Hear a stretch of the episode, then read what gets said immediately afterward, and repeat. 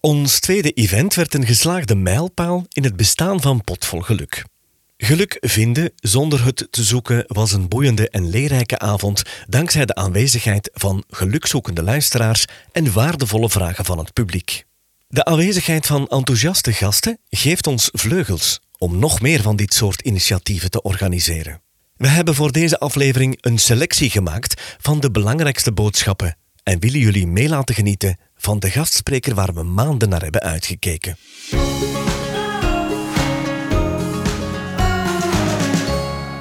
Mag ik een warm onthaal voor Lieven Annemans.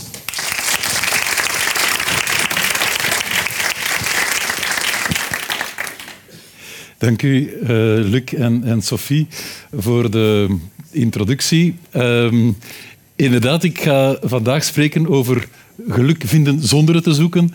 Uh, ik ga direct uitleggen waarom dat die titel zo gekozen is. Ik ben eigenlijk al meer dan 25 jaar gezondheidseconoom. En mensen zijn daar soms van in de war. Wat is dat eigenlijk, een gezondheidseconoom? Ze denken direct aan economie, aan besparen enzovoort. Terwijl een gezondheidseconoom is in de eerste plaats een gezondheidswetenschapper die de gezondheid van de mensen wilt optimaliseren, maar die ook vanuit de realiteit vertrekt dat we niet al het geld van de wereld hebben om aan gezondheid te besteden. Dus gezondheidseconomie gaat over het maken van juiste keuzes. Hoe kunnen we beter investeren in gezondheid om zoveel mogelijk mensen zo gezond mogelijk te maken? Trouwens, gezonde voeding is een van de beste investeringen in gezondheid uh, die, er, kan zijn. En, en uh, andere dingen zijn bijvoorbeeld minder interessant qua investering. Maar daar ga ik het vandaag niet over hebben. Ik ben pas sinds een jaar of zeven opgeschoven richting geluksonderzoek, omdat ik ondervond dat er mensen die wel gezond waren, maar niet gelukkig. En anderzijds mensen die niet zo gezond waren, maar wel gelukkig. Dus daar is meer aan de hand en dat fascineerde mij. En zo ben ik opgeschoven richting ja, onderzoek rond geluk. Eh, ik ga beginnen met het geluk der Belgen een beetje te schetsen. Hoe zit het eigenlijk met ons geluk?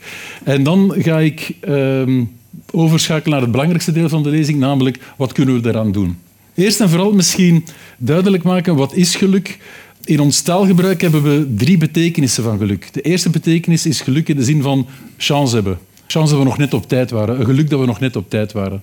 De tweede betekenis is geluk in de zin van gelukkige momenten beleven. Bijvoorbeeld, sommige mensen beleven een gelukkig moment door een praline te eten. Dat kan. Anderen door een mooi, mooi deuntje te horen. Dat deuntje, dat deuntje van daar straks, dat geeft zo'n gelukkig gevoel. Nog anderen door een wandeling op het strand te maken of een, eh, een glas rosé op een terrasje. Het zijn allemaal dingen die een gelukkig gevoel kunnen geven.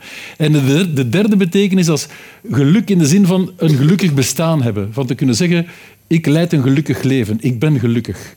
Dat is de derde betekenis. Daar gaat natuurlijk ons onderzoek over, dus daar ga ik vooral vandaag over vertellen. Hier ziet je al direct waarom dat de titel is geluk vinden zonder het te zoeken. Ik citeer hier Seneca, 2000 jaar geleden, die zei geluk vinden is een uitdaging, omdat het moeilijk is te begrijpen wat ons echt gelukkig maakt. En vaak ziet men dat hoe meer men het geluk zal nastreven, hoe moeilijker het wordt.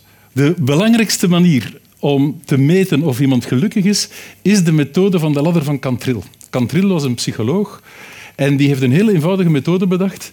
Gewoon aan mensen vragen, beeld u een ladder in met traptreden van 0, 0 is op de grond, tot 10. En 0 is het slechtst mogelijke leven dat je kunt indenken en 10 is het best mogelijke leven dat je kunt indenken. Waar ergens op die ladder bevindt uw leven zich vandaag de dag? De geluksonderzoekers zijn akkoord dat iemand die daar 8, 9 of 10 op scoort, dat die gelukkig is. En iemand die 5 of minder scoort op de ladder, dat die ongelukkig is. En 6 en 7 ja, zit daartussenin. Hier ziet je het resultaat voor België voor vier leeftijdscategorieën. Dus links de jongsten onder ons.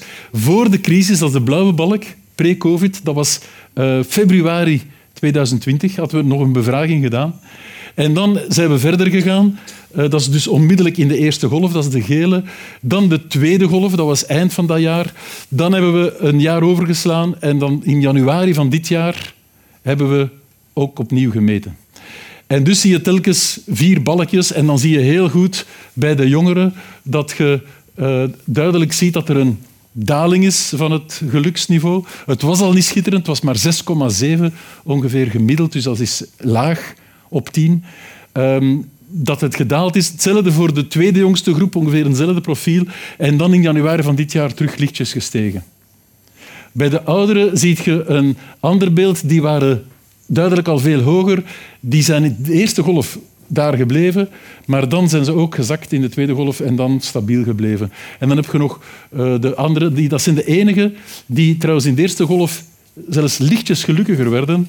En als je met hen dan, we hebben dan focusgroepen gedaan, dan zeiden ah ja, maar ja, we zijn nog nooit zoveel gaan wandelen en dat was zo, en je hoorde terug de vogeltjes fluiten enzovoort. Maar dat was dus ook wel van, van korte duur, want daarna is het uiteraard ook, uh, ook gezakt. Dat is de situatie vandaag de dag. We starten eind van deze maand met een nieuwe ronde. Dus ik zal het ook aan, aan Luc en Sophie laten weten dat je een beetje reclame kunt maken, dat mensen terug kunnen uh, meedoen aan het uh, fameuze geluksonderzoek. Wat we ook vaststellen is dat mensen heel eenzaam zijn. We zien dat uh, ongeveer 36% matig eenzaam is en 32% zeer eenzaam. En wat zien we bij ouderen is vooral sociale eenzaamheid. Dat wil zeggen dat ze mensen missen om zich heen. En bij jongeren is het vooral emotionele eenzaamheid. Ze hebben wel voldoende mensen om zich heen, maar ze hebben niemand waar dat ze een keer hun, hun hart kunnen uitstorten of hun ziel kunnen blootleggen. Dat noemen we emotionele eenzaamheid, dat je niet op iemand kunt vertrouwen. En dat zien we vooral bij jongeren. En dat is ook belangrijk, die eenzaamheid, want we zien dat iemand die niet eenzaam is, die scoort gemiddeld 8 op de ladder. En iemand die heel eenzaam is, die scoort gemiddeld minder dan 5 op de ladder. Dus ook weer al een belangrijke factor. Straks gaan we het positief uh, hebben. Nu, klinkt het zo van... Je ziet zo het niveau in de, in de zaal zo dalen. Zo uh, maar het, het wordt plezant hè, en we gaan naar oplossingen en hoe, hoe gaan we allemaal gelukkiger kunnen, kunnen worden. Nu is natuurlijk de vraag, wat kunnen wij daaraan doen? Dat is de situatie. Wat kunnen we nu gaan doen? En je zou het kunnen heel mooi formuleren. Dit is een, een citaat van Mark Twain. Mark Twain heeft fantastische citaten. Eén daarvan is, geef elke dag de kans om de mooiste van je leven te worden. Prachtig citaat. Maar als je een beetje realistisch bent, weet je ook van... Het is niet zo simpel, hè? dan gewoon elke dag op te staan en zeggen nu ga ik er de prachtigste dag van mijn leven van maken. Daar, daar is meer aan de hand. Het is complexer dan dat. En daar gaan we het nu over hebben. Dus ik ga het over vier dingen hebben. Eerst en vooral gezondheid, dan de kwaliteit van onze relaties, dan geld en geluk, maar ook het misverstand waar men uh, geld associeert aan geluk, maar vaak dan geluk verward met genot. Daar ga ik het dan straks op over hebben, die verwarring tussen geluk en genot. En dan peace of mind. En dan komen we tot de conclusie. Eerst wat betreft gezondheid uh, ben ik heel sterk aanhanger van het nieuw concept positieve gezondheid. Wat is positieve gezondheid? Als uw lichaamsfuncties voldoende zijn, dus je moet niet perfect gezond zijn, maar uw lichaamsfuncties zijn voldoende, dan kan je dagelijks functioneren.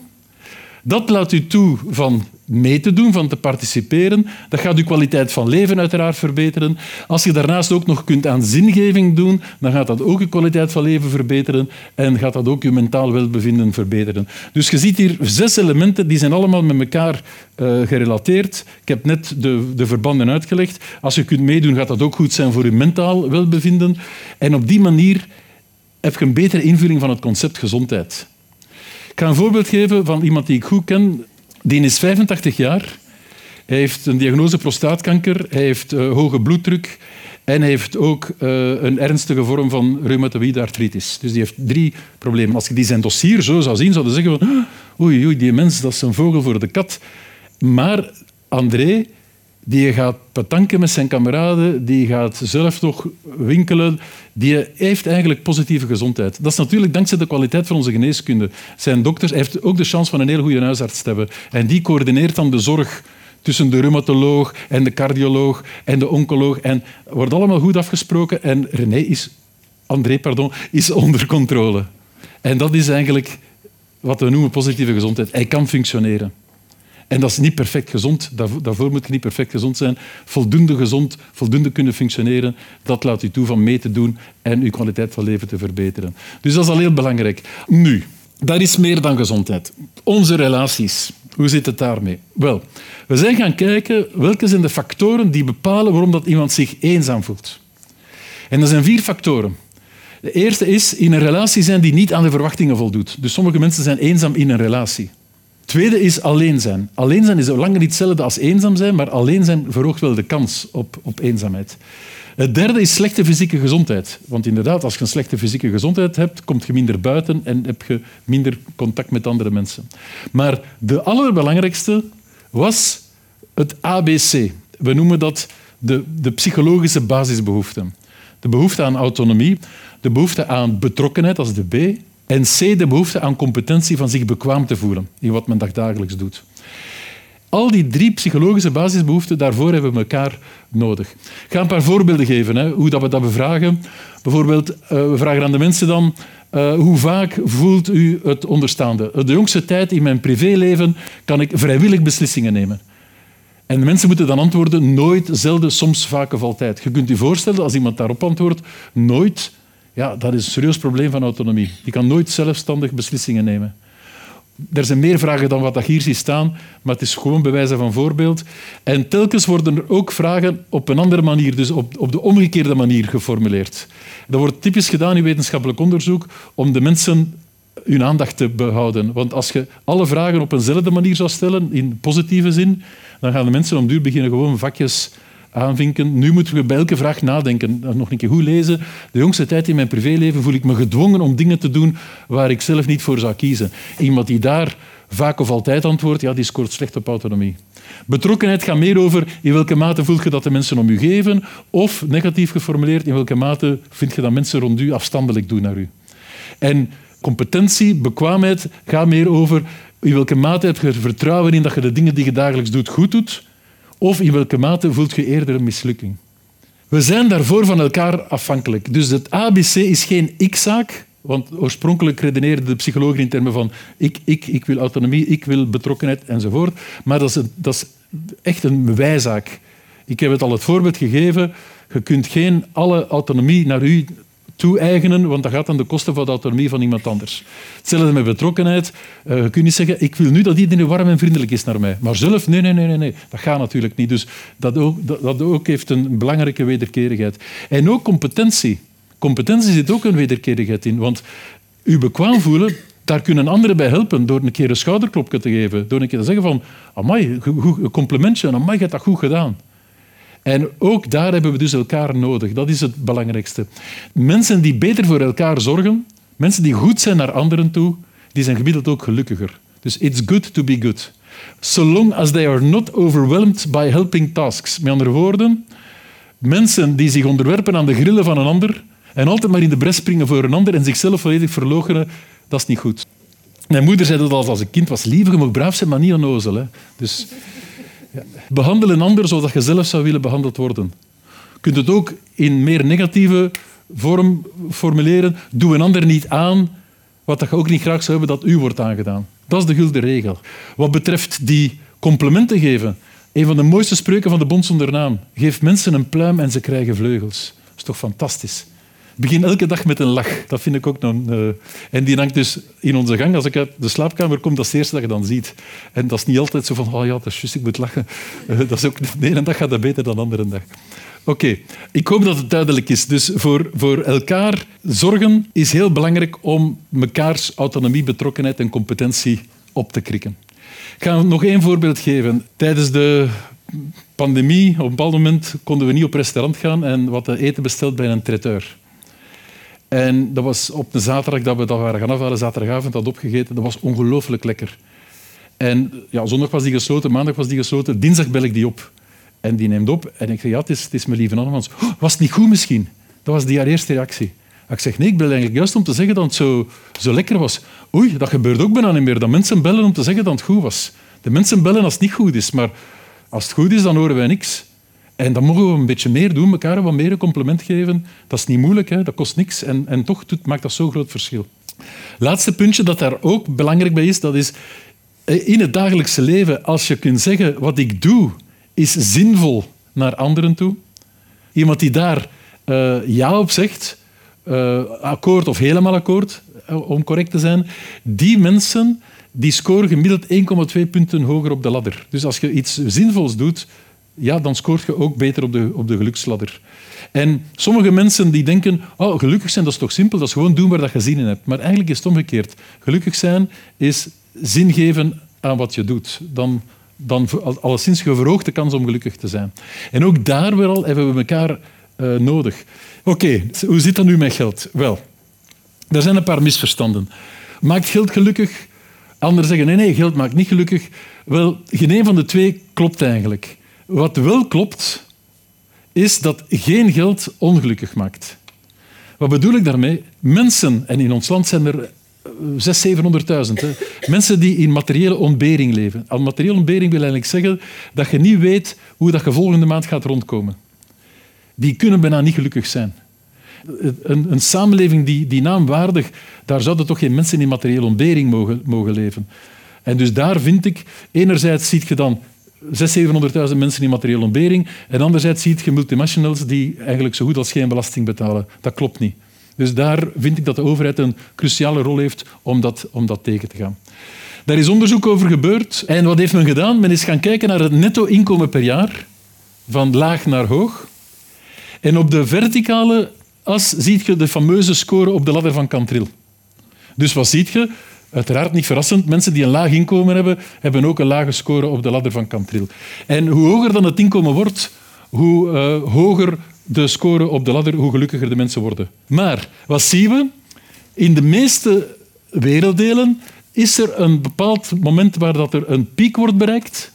En eenmaal dat men dan nog meer inkomen heeft, dan zakt het niveau van geluk terug. En we hebben dat ook ondervonden in ons eigen onderzoek. In ons eigen onderzoek zagen we dat de allerhoogste inkomens in onze steekproef dat die minder tevreden waren met hun sociale relaties en zelfs ook minder tevreden met hun inkomen. Dat je moet maar durven. Hè. Dus waren dus de allerrijkste in ons onderzoek die waren iets minder tevreden toch met, met hun inkomen. Maar wat ziet men wel? Mensen die veel geld hebben, maar met dat geld zinvolle dingen doen, dus uh, besteden aan goede doelen enzovoort, daar zie je niet die daling. Daar zie je dat ze toch iets zinvol doen en daardoor weer al, ja, wat ik doe in mijn leven is waardevol. Ik, ik laat andere mensen ook mee uh, genieten van de middelen die ik heb en ik doe daar goede dingen mee. Die zien geen daling in hun geluk. Maar algemeen ziet men dat mensen die vooral materialistische verlangens hebben van ik wil meer en ik wil nog... Ik heb al een auto, maar ik wil nog een tweede auto en ik heb al dit en ik heb al dat en ik wil altijd maar meer en meer, die zijn minder gelukkig. Want die zijn vooral met dat materialistische bezig en niet echt met gelukkig zijn.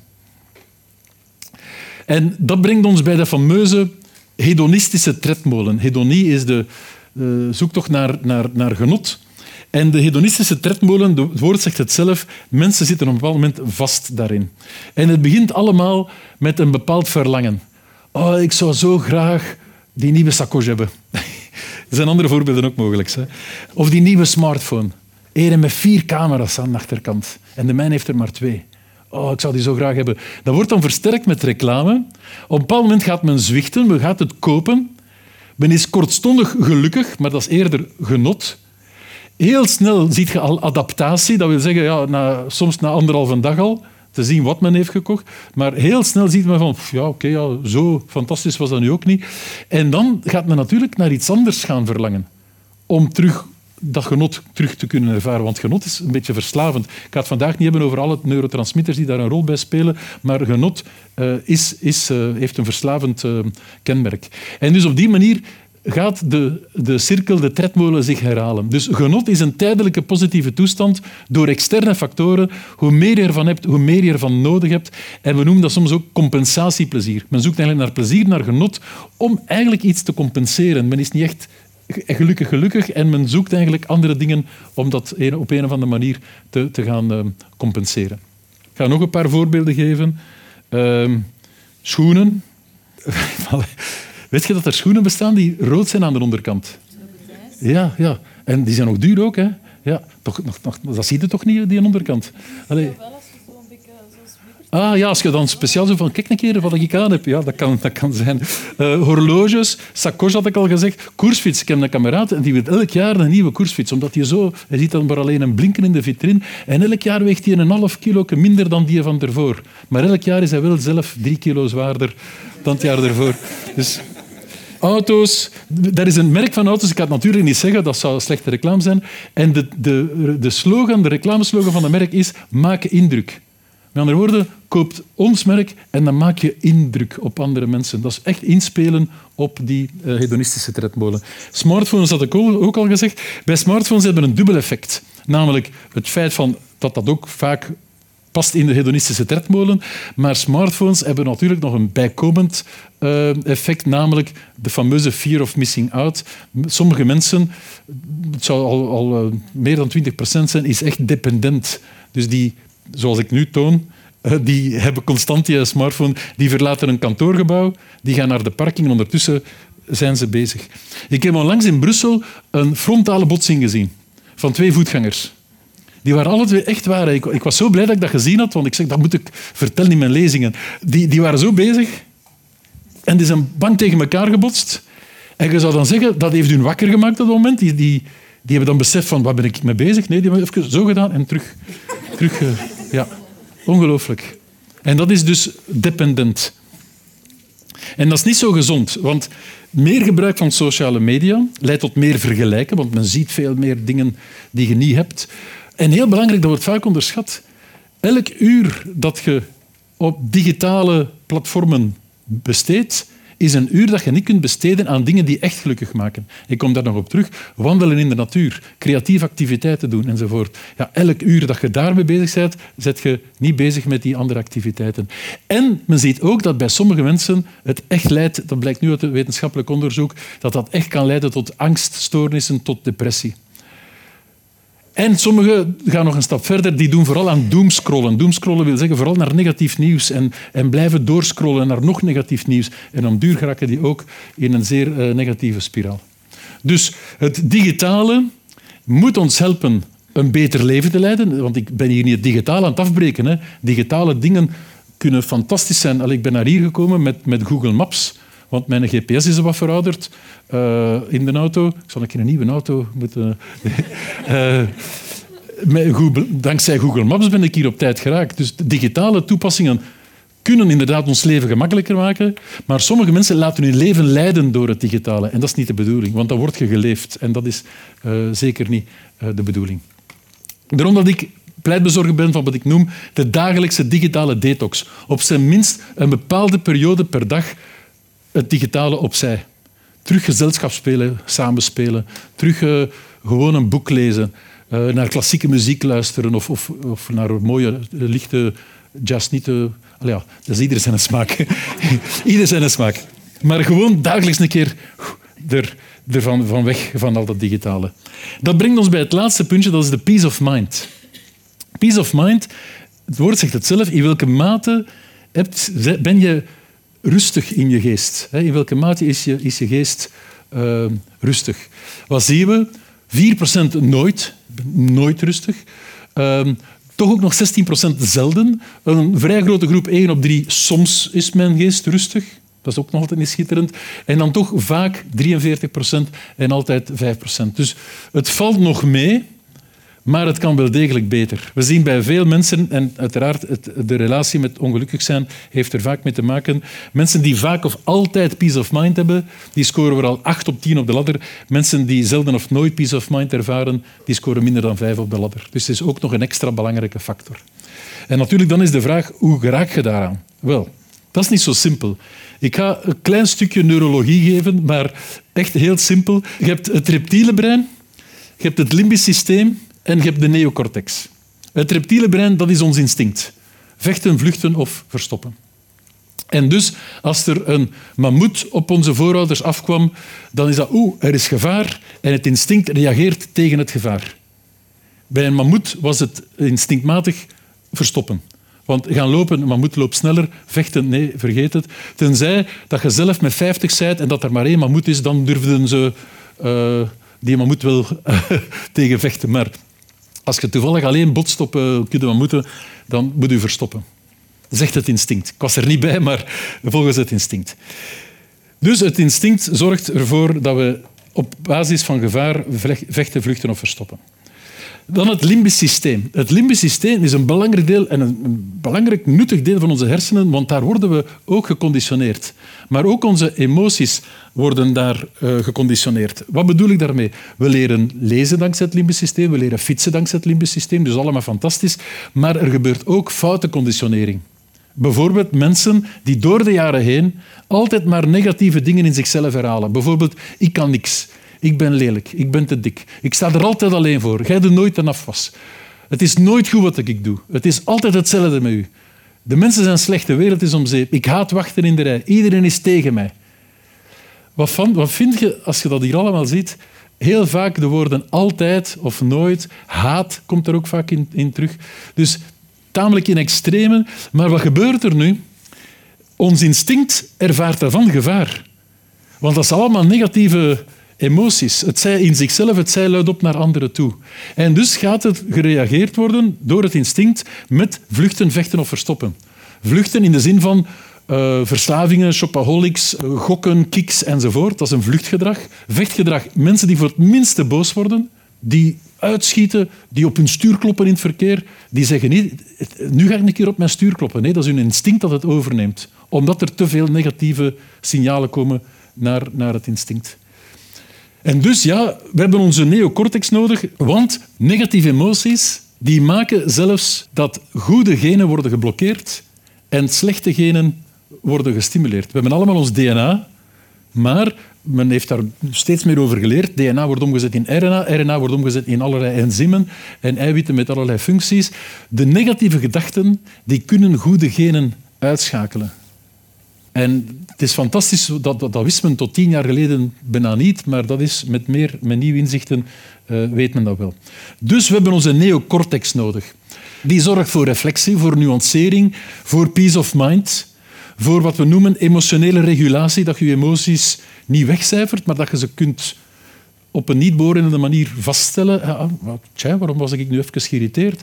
Ah, ik kan er een plaats geven. Anderen hun emoties ook beter begrijpen. Dat is allemaal dankzij de prefrontale cortex.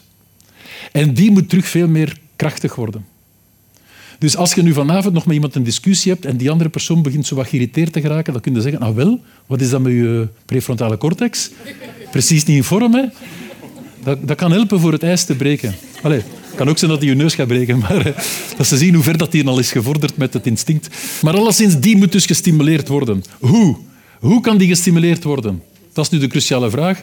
Eerst en vooral terug die DDD, uiteraard, maar dat is niet genoeg. Wat hebben we nog nodig?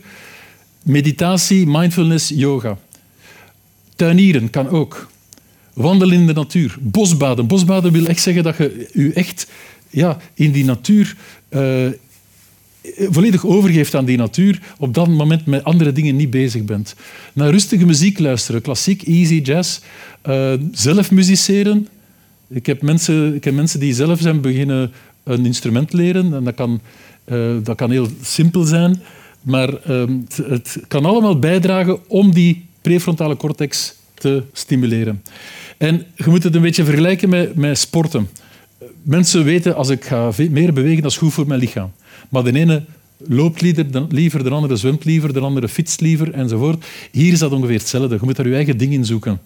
Als iemand je zegt, je moet meditatie doen. Nee, bij de ene geeft dat fantastische resultaten en bij de andere zegt, nee, dat is niks voor mij, ik voel het niet. Maar probeer toch iets anders dan te vinden dat toch ervoor zorgt. Dat kan zelfs op volwassen leeftijd Lego bouwen zijn. Op dat moment ben je bezig alleen maar met die, met die Lego eh, of puzzelen. Dat zijn allemaal dingen die kunnen helpen om de prefrontale cortex uh, sterker te maken. Het feit dat je weet dat je er een hebt, is al een enorme stap. Oh, oh, ik heb een prefrontale cortex, ik ga die een beetje meer aan het werk zetten. Echt waar. Oké, wat zien we eh, in ons eigen onderzoek? Mensen die twee à drie keer, minstens twee à drie keer per maand voor, voor anderen zorgen, die hebben meer dan 40% meer kans, zo moet je het interpreteren, om gelukkig te zijn. Mensen die meer, twee à drie keer per maand activiteiten doen in de natuur, weer al 40% meer kans om gelukkig te zijn. En mensen die twee à drie keer per maand dingen doen voor anderen, uh, creatieve activiteiten, pardon, die hebben een kwart meer kans om gelukkig te zijn. Dus zijn drie belangrijke factoren. Weet je nog dat ik er straks zei, als je meer schermtijd hebt, heb je minder tijd voor andere dingen te doen die wel gelukkig maken. Dat zijn voorbeelden van zo'n dingen. We zijn er bijna, dames en heren. Ik ga nog uh, Peter Popper uh, citeren. It doesn't matter so much in which world reality you live. Denk maar wat er vandaag allemaal rond ons gebeurt. What does matter is which world reality lives inside you. Dus hoe, in welke mate ben jij in staat van toch jezelf te beschermen tegen al die inputs die er dagdagelijks zijn. En dat is niet gemakkelijk, want die inputs zijn er natuurlijk. Hè. Maar een eenvoudige boeddhistische stelregel is, als er problemen zijn waar je niks kunt aan doen, maakt u dan geen zorgen in die problemen, want je kunt er toch niks aan doen. Als er problemen zijn waar je wel iets kunt aan doen, maakt u dan ook geen zorgen, doet er dan iets aan, want je kunt het dan veranderen. Nu, Joost van Hoven heeft daar ook over geschreven, de spiegel van het helder bewustzijn. En hij noemt dat het PAVA-model. Mensen die een goede prefrontale cortex hebben, die hebben ook veel betere perceptie. Als je s morgens in de herfst opstaat en je ziet op je terras dat er allemaal blaren liggen op het terras, mensen met een slechte perceptie die gaan zeggen van godverzeg, mijn terras vol blaren. En iemand met een goede perceptie die gaat zeggen van wauw, zo'n mooie herfstkleuren op mijn terras. Ziet je het verschil? Dat is dankzij de, de prefrontale cortex. Acceptatie. Wat tot gisteren gebeurd is, kun je niet meer veranderen. Accepteer het. Blijf daar niet in wentelen van oh ja, wat had ik maar dit en had ik maar dat. Dat gaat u niet helpen. Maar dat wil niet zeggen dat je geen visie kunt ontwikkelen of niet tot actie overgaan. Dus perceptie en acceptatie is niet voldoende. Als je daar de kracht kunt uithalen om ook nog een keer dingen te veranderen, dan kan je echt, echt u nuttig maken, uh, waardevolle dingen doen. Want Andy Hunt heeft ooit gezegd, only dead fish go with the flow. Dus de bedoeling van de prefrontale cortex te stimuleren is niet, is niet om te zeggen van vanaf nu, we go with the flow. Trek me van niks meer iets aan. Nee, nee, het is iets genuanceerder. Je haalt de kracht door juiste perceptie, juiste acceptatie en die vertaalt je dan in, in visie en, en in uh, actie. Conclusie, dames en heren. Ik krijg vaak de vraag van mensen van ja, maar ja, uh, waarom doe jij dat onderzoek naar geluk? Dus zo, eh alors, ja, dat is allemaal goed en wel, maar is dat nu belangrijk dat, dat er meer mensen gelukkig zijn? Ja, dat is belangrijk. Ik moet er wel iets bij zeggen. Ik gaf onlangs een lezing in Aalst en ik vertelde ealoor. En de mensen waren in de war, want in het Aalsters dialect ealoor wil zeggen heeft u al haar. Dus ik zei ea, ealoor. En mensen in Aalst zo van, naar elkaar aan het kijken zo. Ja, heeft u, hoe, zegt dat, hoe zegt dat, dat in Est op? Heeft u al haar? Het al haar. Maar dus de vraag is, waarom is onderzoek naar geluk belangrijk? Wel, voor drie simpele redenen. Ten eerste, in die samenlevingen waar de mensen gemiddeld gelukkiger zijn, ziet men minder geweld en minder misdaad. Daarvoor alleen al zou het eigenlijk al doen. Ten tweede ziet je dat in die samenleving waar de mensen gemiddeld gelukkiger zijn, dat er veel minder haat is en minder discriminatie. Als je gelukkig bent, waarom zou je dan anderen haten? Waarom zouden de anderen gaan discrimineren? En persoonlijk, voor uzelf, ook nog belangrijk om te weten, mensen die gelukkig zijn, leven gemiddeld ook langer. En dat blijkt uit wat we dan noemen longitudinaal onderzoek. In de Verenigde Staten zijn ze al tientallen jaren bezig met geluksonderzoek. En daar hebben ze mensen opgevolgd vanaf jonge leeftijd. En degenen die gelukkiger bleken te zijn op jonge leeftijd, bleken ook langer te leven. Uiteraard, als je bespaard wordt van pech, je kunt pech hebben met de genen, uiteraard. Eh, je kunt pech met ongeval enzovoort. Maar gemiddeld gezien leven gelukkige mensen 14% langer dan niet gelukkige mensen. Dus het is echt wel ook daar een, een, een positief effect. Dus wat zijn mijn adviezen? Eigenlijk dubbel advies. Wat kunnen we doen voor elkaar en wat kunnen we doen voor onszelf? Voor elkaar, bijvoorbeeld op het werk, ik heb het al gezegd, een goede werkgever die gaat aandacht geven aan de psychosociale veiligheid, aan die autonomie, betrokkenheid, competentie enzovoort. Zorgen dat er minder administratie is, dat je mensen niet stoort in het weekend, betere balans tussen werk en privé. Trouwens, je mocht dat niet work-life balance noemen, want dat wil precies zeggen dat je je werk hebt en daarnaast je leven. Nee, we noemen dat beter werk-privé-balans. Dus je hebt je leven op het werk en je hebt je leven uh, privé. En het is die balans dat we, dat we moeten zoeken. Scholen. Je hebt nu het concept warme scholen. Wat doen ze in de warme scholen? Ze leren kinderen veel meer samenwerken, ze leren kinderen veel sneller te ontdekken wat hun talenten zijn en dan gaan ze daar meer aandacht aan geven, dus dat ze hun talenten kunnen ontwikkelen. Daar spreken ze nooit van sterke leerlingen en zwakke leerlingen, want alle leerlingen hebben op een bepaalde manier wel een of ander talent. En ze proberen dat zo snel mogelijk dat talent uh, te herkennen en te ontwikkelen. Wat kunnen gemeentes doen? Warme buurten, uitreiken naar de mensen. Sommige gemeenten hebben tijdens de pandemie elke bewoner van de gemeente opgebeld met de vraag hoe gaat het met u? Kunnen we iets doen voor u? Wist je dat dat en dat nog altijd kan? Daar is veel gesloten, maar dat en dat is nog open. Je kunt daar naartoe gaan als je wilt. Met respect voor de veiligheid, uiteraard.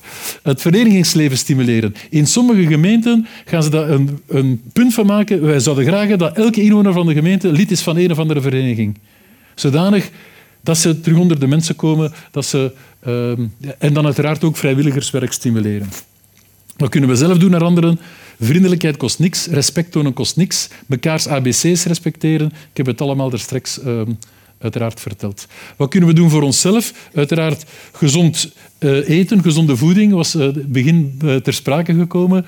Train je brein, dat is dus die prefrontale cortex. Ik heb daar de de dingen gezegd die daar kunnen voor dienen.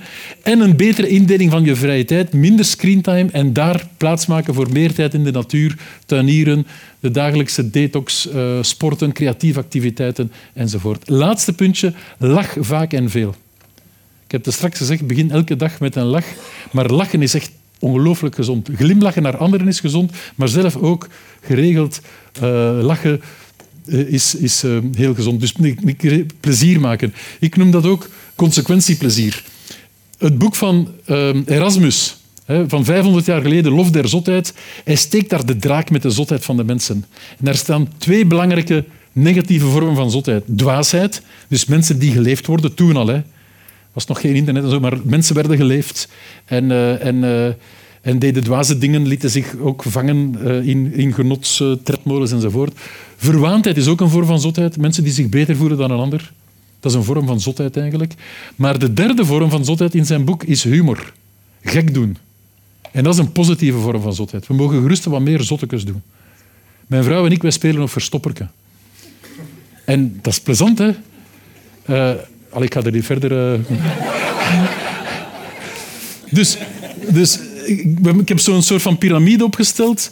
Uh, aan de basis, je moet wel voldoende geld hebben. Herinner je wat ik zei van die materiële ontbering? Dat is een belangrijke verantwoordelijkheid voor de overheid. Voldoende gezondheid, de positieve gezondheid om te kunnen functioneren. Gemeenschap, dus mekaars autonomie, betrokkenheid, competentie respecteren. U veilig voelen in uw omgeving waar dat je uh, vertoeft, ook op de, de werkplek als je nog werkt. Uw gedachten kunnen beheersen, dat is onze prefrontale cortex. Gedachten beheren, beheersen. En dan goed doen voor anderen. Dus uh, it's good to be good. Uh, nuttige dingen doen, uh, een keer iets, iets doen voor een ander, een keer in de bres springen enzovoort. En tenslotte ook gek doen. Geregeld een keer zottekes doen. En als je dat allemaal combineert, dan zijn we er ongeveer. En dan brengt me bij de definitie van geluk. En merk op, als je de straks de definitie van genot zag, eh, merk de tegenstelling op. Uh, dat is geen tijdelijke toestand. Geluk is een duurzame, positieve toestand van je geest. En hoe meer je het hebt, hoe meer je het ook kan uh, behouden. En het gaat gepaard met innerlijke rust, met warme relaties, met een zinvol bestaan en met veel momenten van vreugde en gelukzaligheid. Om het kort samen te vatten, geluk is het hoofd koel houden en het hart warm. Daar komt het eigenlijk op neer. En uiteraard met de smile. Voilà, daar wou ik het met jullie over hebben. Ik heb er ook een boek over geschreven. Ehm, de, de, de, cover is zo van, wat staat daar nu? Maar dus het is geluk vinden zonder het te zoeken. Dat is de titel ook van de lezing en ook de titel van het boek. Het is belangrijk te noteren, het is een wijboek. Er zijn veel boeken over geluk, dat zijn ik-boeken. Hoe kan ik gelukkiger zijn? Dirk de Wachter noemt dat de NV-ik. Ik, ik, ik. Maar geluk is een wijzaak. Ik hoop dat dat ook duidelijk was uit mijn lezing. Dat wil ik met u delen vandaag. Dank u wel. Vind je deze podcast leuk? Geef hem dan een goede rating op de app van Checkpot. Checkpot is een inspiratieplatform voor podcasts. Je vindt er recensies van podcasts en je krijgt luisteraanbevelingen op basis van jouw profiel. Je kan de app nu downloaden